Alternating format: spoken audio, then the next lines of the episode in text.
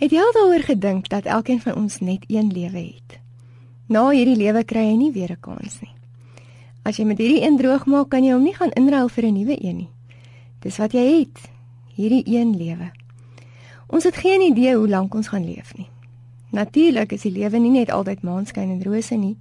Soms is ons lewe besaai met swaar kry en hartseer. Juist as mens swaar kry, kom mens onder die besef dat die lewe 'n kosbare, brose geskenk is. Die lewe is doeteenvoudig te kosbaar dat jy dit deur jou vingers kan laat glip. Dis iets wat so broos is dat jy baie versigtig daarmee moet werk, want elke dag sypel dit weg soos water en sand.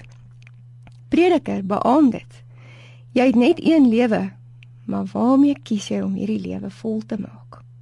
Kingsley Holgate, die bekende avonturier, vertel op 'n stadium die storie van 'n vriend van hom wat by 'n tafel sit en voor hom 'n paar klippies uitpak. Elke klippie het 'n dekade van sy lewe verteenwoordig. So begin hy toe een vir een die klippies oor sy skouer weggooi vir elke dekade wat reeds verby is, tot daar net een of twee klippies voor hom gelê het. Elkeen van ons kry ook 'n handvol klippies. Presies hoeveel sal ons nou nie weet nie. Maar as hulle weg is, is hulle weg. Hoeveel klippies het jy dalk oor? Ons weet nie. Hierdie storie onderstreep Prediker 2 se boodskap dat die lewe ongelooflik kort is. Die lewe is te kosbaar om droog te maak. Te kosbaar om dit te mors. Te kosbaar om iemand anders se lewe te probeer leef. Miskien moet ons ophou om onsself met ander te vergelyk.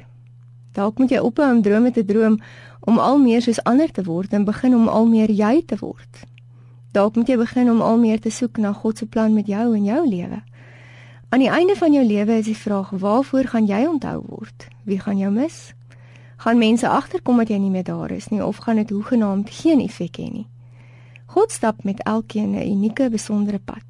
Meester Eckhart, die ou middeleeuse teoloog en mistikus het hieroor gesê: "Mind your own path. Do not mind the path of others.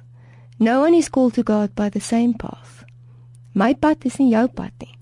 God is nie op dieselfde manier op pad met jou as met my nie. Meeste van ons, sê Prediker, fokus waarskynlik op die verkeerde goed. Die beste vraag is nie hoe kan ek meer en meer suksesvol wees en al ryker word nie? Hoe kan ek myself verdoof met allerlei plesiere sodat die lewe darm tog net lekker is nie? Die beter vraag is: Hoe kan ek nader en nader kom aan God se droom vir my lewe? Waarin kan ek tyd spandeer vir dit wat regtig sinvol is? Die lewe is te kort om nie te probeer uitvind hoe jy jou net die beste kan leef nie.